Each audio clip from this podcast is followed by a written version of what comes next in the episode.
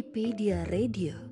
Ini adalah tentang rasa, asa, dan hasrat, mengupas dari sisi yang berbeda, menghadirkan pilihan untuk bisa bersikap, memahami, dan menghargai, mengkritisi tanpa menghakimi.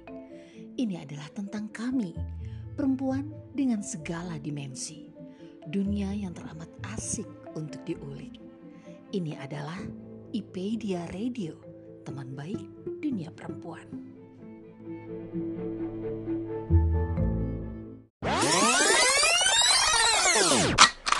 Waduh, pertanyaannya ini dalam banget.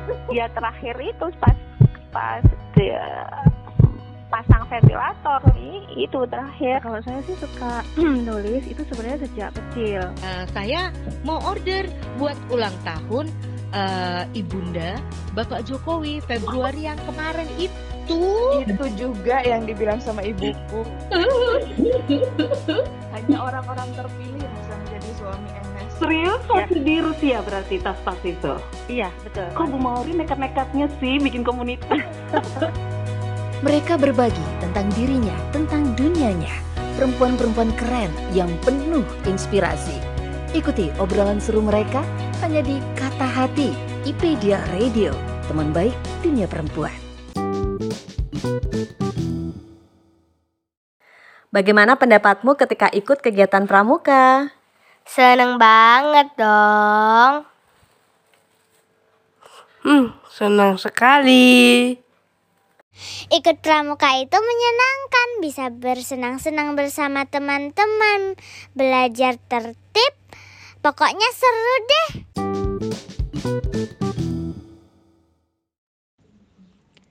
Selamat memperingati Hari Pramuka ke-62. Semoga Pramuka selalu bisa menjadi akar yang kuat di tengah gempuran kemajuan peradaban. Terima kasih.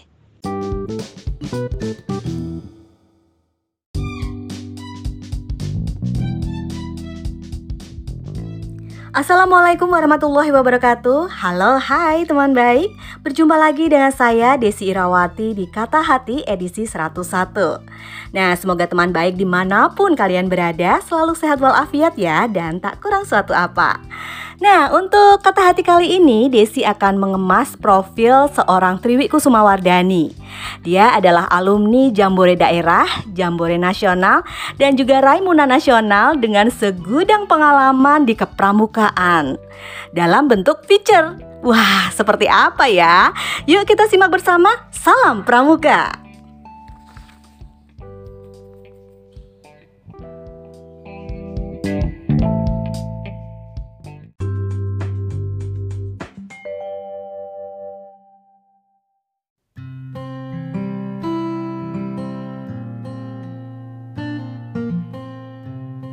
Matahari masih terik di atas kepala ketika Triwi Kusumawardani menukar baju seragam sekolah dengan baju pramuka. Ya, setelah sekolah usai, dirinya punya kewajiban untuk latihan pramuka setiap hari di kantor kuartir cabang kota Surakarta. Hal ini dilakukan untuk persiapan menjelang Jambore Nasional. Triwi merupakan salah satu siswa yang terpilih sebagai perwakilan kontingen Surakarta untuk ajang berkumpulnya para pramuka penggalang dari seluruh Indonesia di Cibubur kala itu. Di saat siswa lain bisa melakukan aktivitas yang mereka sukai setelah sekolah, Triwi rela mengeluarkan tenaga, pikiran, dan hati untuk berlatih baris berbaris, mengejar ujian kecakapan hidup, berlatih kepemimpinan, tali temali, kemandirian, seni budaya, dan masih banyak lagi keterampilan hidup yang harus dipelajari sebagai persiapan perkemahan. Di balik semua usaha keras bersama teman-teman perwakilan sekolah sesurakarta, dengan bangga bisa melangkah bersama ke ibu kota dan berjumpa dengan keheterogenan suku di Indonesia. Bahkan setahun kemudian, Triwi kembali terpilih menjadi wakil kontingen Surakarta untuk ajang Raimuna Nasional. Triwi yang kala itu sebagai pramuka penegak kembali mendedikasikan hidupnya untuk kemajuan gerakan pramuka di Indonesia. Banyak suka duka yang dilalui dan waktu yang dikorbankan untuk meraih sebuah mimpi besar.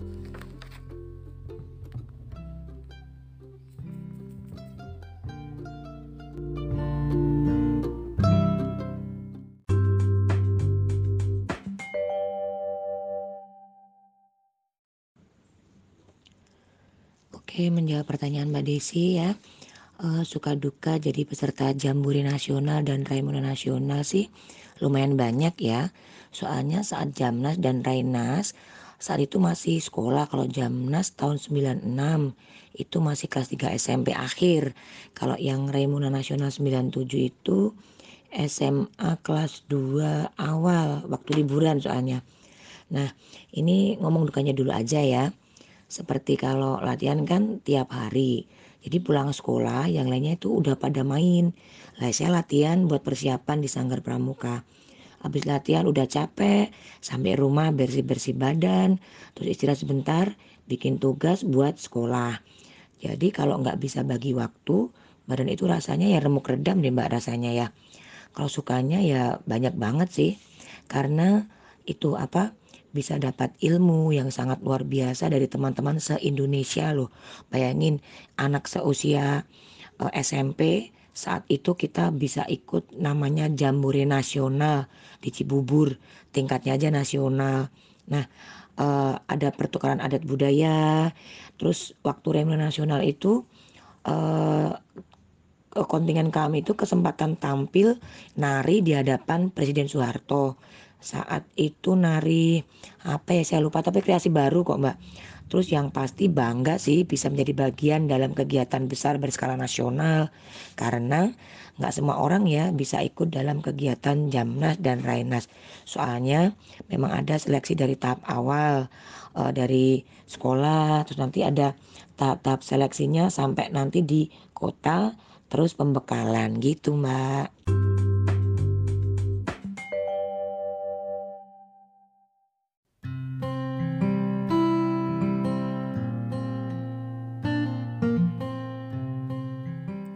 Dalam sebuah perjalanan hidup, tentu ada berbagai perubahan. Pun dengan gerakan pramuka, salah satu perbedaan yang mencolok adalah dari segi atribut. Warna seragam pramuka memang masih sama, bernuansa coklat. Namun, topi rumbia yang dulu digunakan para penggalang kini tidak dipakai lagi, berganti dengan topi bulat dari kain bludru berwarna coklat tua. Coba perhatikan dengan seksama Pita leher yang dulu dipakai pramuka putri sekarang berganti total dengan setangan leher segitiga yang dulu hanya dipakai putra. Zaman dulu kegiatan pramuka merupakan sebuah kebanggaan dan masuk dalam ekstrakurikuler pilihan.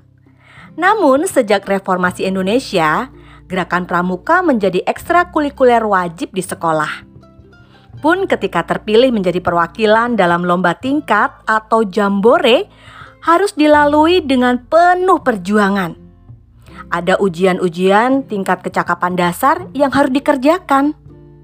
Namun kini hanya sebagai formalitas dan sedikit anak yang tahu arti simbol lambang kecakapan yang terpasang di baju pramuka mereka menjelang lomba-lomba.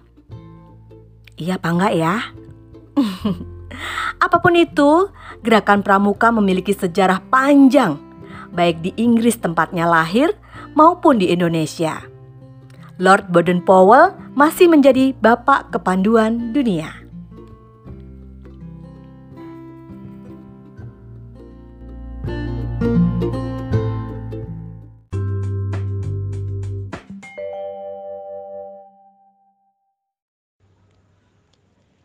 Kalau kegiatan apa perbedaan pramuka zaman dulu dan zaman sekarang jelas banget ya Mbak ya. Dilihat dari sisi kegiatannya aja. Kalau pramuka zaman dulu itu kan identik dengan hanya tepuk tangan, mereka bisa tali temali, memasak, berkemah, mendirikan tenda, dan pramuka zaman dulu itu benar-benar bisa menyatu dengan alam. Nah, kalau pramuka zaman now ini lebih modern ya, Mbak ya. Karena sudah banyak teknologi. Jadi tidak hanya terampil pada hal-hal di atas yang saya sebutkan tadi. Tapi pramuka zaman now harus siap bersaing dalam segala bidang baik secara teknologi dan kemampuan personal.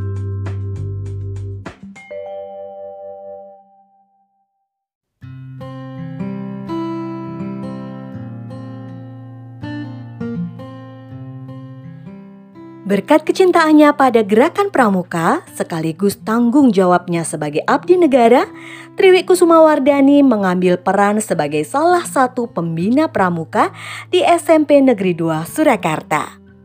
Bagaimana suka duka Triwi menjalani perannya sebagai pembina pramuka? Apakah banyak tantangan menarik mendampingi anak-anak generasi alfa yang lahir di tengah kemajuan era digital dan tidak pernah mengalami dunia tanpa internet dan smartphone? Sehingga mereka lebih berinteraksi dengan teman-teman melalui media sosial daripada dunia nyata.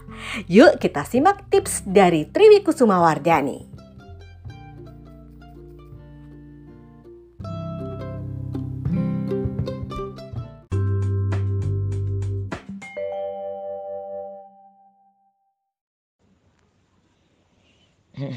Gini, dulu waktu masih sekolah, saya kan jadi pesertanya.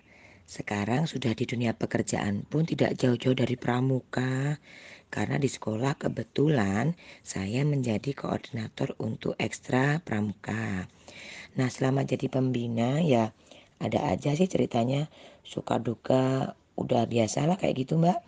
Apalagi yang dihadapi kan anak-anak yang setiap tahun beda karakternya ya kan? Nah, gini, beda generasi ya beda juga karakternya sih Mbak. Anak-anak zaman dulu lebih tangguh dan tidak gampang mengeluh. Mungkin karena ini ya eh, ada lebih banyak waktu untuk bersosialisasi. Jadi mereka tidak merasa sendiri.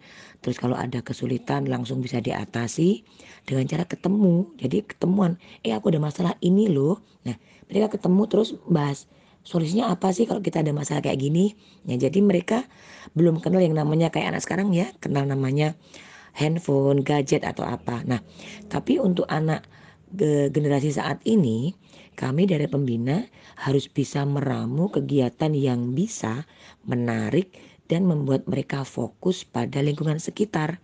Nah, supaya yang dari luar kelihatan tangguh ini tetap bisa tangguh di dalamnya juga. Maklumlah generasi saat ini ya Mbak ya, sudah banyak dimanjakan oleh fasilitas dan itu apa namanya? peraturan yang melonggarkan jika ada masalah. Jadi kebanyakan peraturan itu kan berpihak ke anak. Nah, kadang anak itu menanggapinya dengan berlebihan gitu. Nah, jadi saat mereka agak susah sedikit pun sudah ngeluh. Nah, inilah PR kita semua untuk bisa tetap membuat generasi yang tangguh luar dan dalam. Terus gini Mbak Desi, uh, selama saya menangani anak-anak di apa pramuka, untuk bisa tetap menarik anak-anak dalam kegiatan pramuka. Selama ini selain diberikan materi kepramukaan, juga diberi materi tentang isu-isu saat ini, misalnya tentang pergaulan remaja, bijak dalam bersosial media, peduli kasihnya itu dengan cara memberikan uh, pelayanan, bukan misalnya cuman kita berbagi apa itu enggak, tapi kita melayani, misalnya melayani eyang-eyang di panti jompo atau bagaimana. Terus uh, kita kerjasama dengan teman-teman dari PMI dan pemadam kebakaran. Jadi anak-anak tetap akan bisa berinteraksi secara langsung dan mengurangi uh, apa kebiasaan mereka bermain dengan gadget dengan beberapa kegiatan yang kita berikan tadi.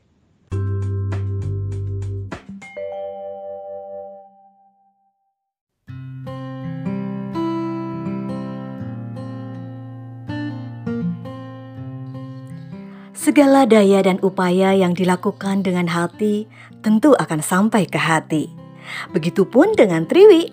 Segala usaha dikerahkan untuk mendampingi siswa-siswinya meraih cita-cita sesuai dengan Trisatya dan Dasa Dharma Pramuka. Berjuta harapan dilantunkan agar gerakan pramuka di Indonesia senantiasa berkualitas dan bermanfaat untuk semua lapisan masyarakat seperti lambang tunas kelapa yang menjadi simbol gerakan ini. Tunas kelapa melambangkan setiap anggota pramuka merupakan tunas bangsa Indonesia yang harus bisa mengharumkan nama Indonesia dan dapat bertahan lama dalam kondisi apa pun.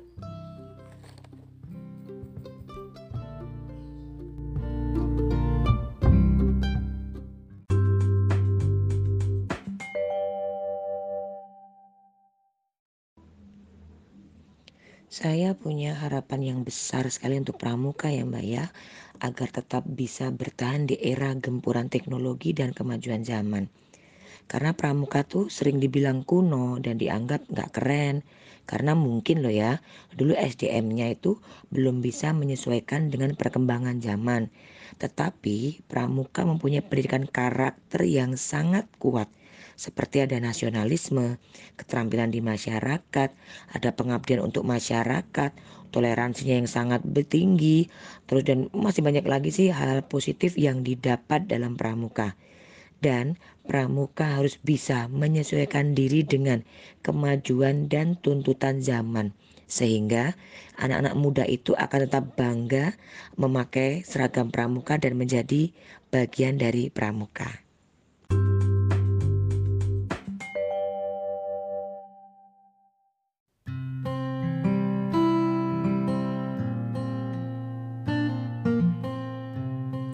Sebuah kegiatan positif tentu akan menghasilkan sesuatu yang baik. Pun gerakan pramuka yang akan mengajarkan kemandirian, kekeluargaan, teman baru, cinta lingkungan, melatih jiwa leadership dan kepemimpinan, cara menjaga diri, sehat fisik dan mental, inklusivitas, dan masih banyak lagi. Semoga generasi penerus bangsa akan selalu bangga menjadi pramuka dan inilah closing statement Triwi Kusuma Wardani.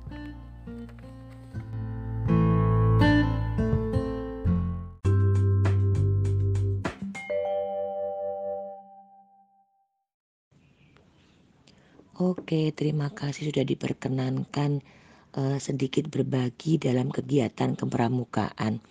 Hanya menekankan saja sih Mbak sebenarnya bahwa pramuka itu bukan hanya di sini senang, di sana senang, tetapi pramuka itu tentang siapa yang berjuang dan akan menjadi pemenang. Dan pramuka itu bukan hanya sekedar tepuk tangan dan penuh nyanyi-nyanyian, tetapi pramuka itu siapa yang bisa menyelesaikan tantangan dan meraih masa depan.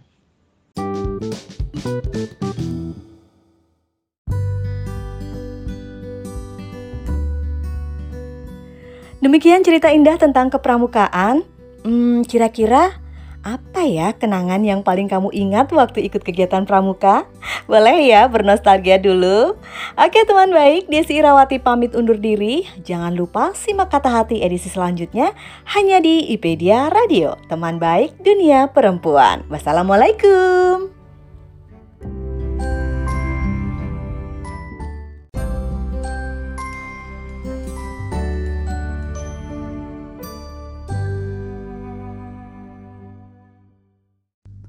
Terima kasih telah mendengarkan episode kali ini. Tetap stay tune di IPedia Radio, teman baik dunia perempuan.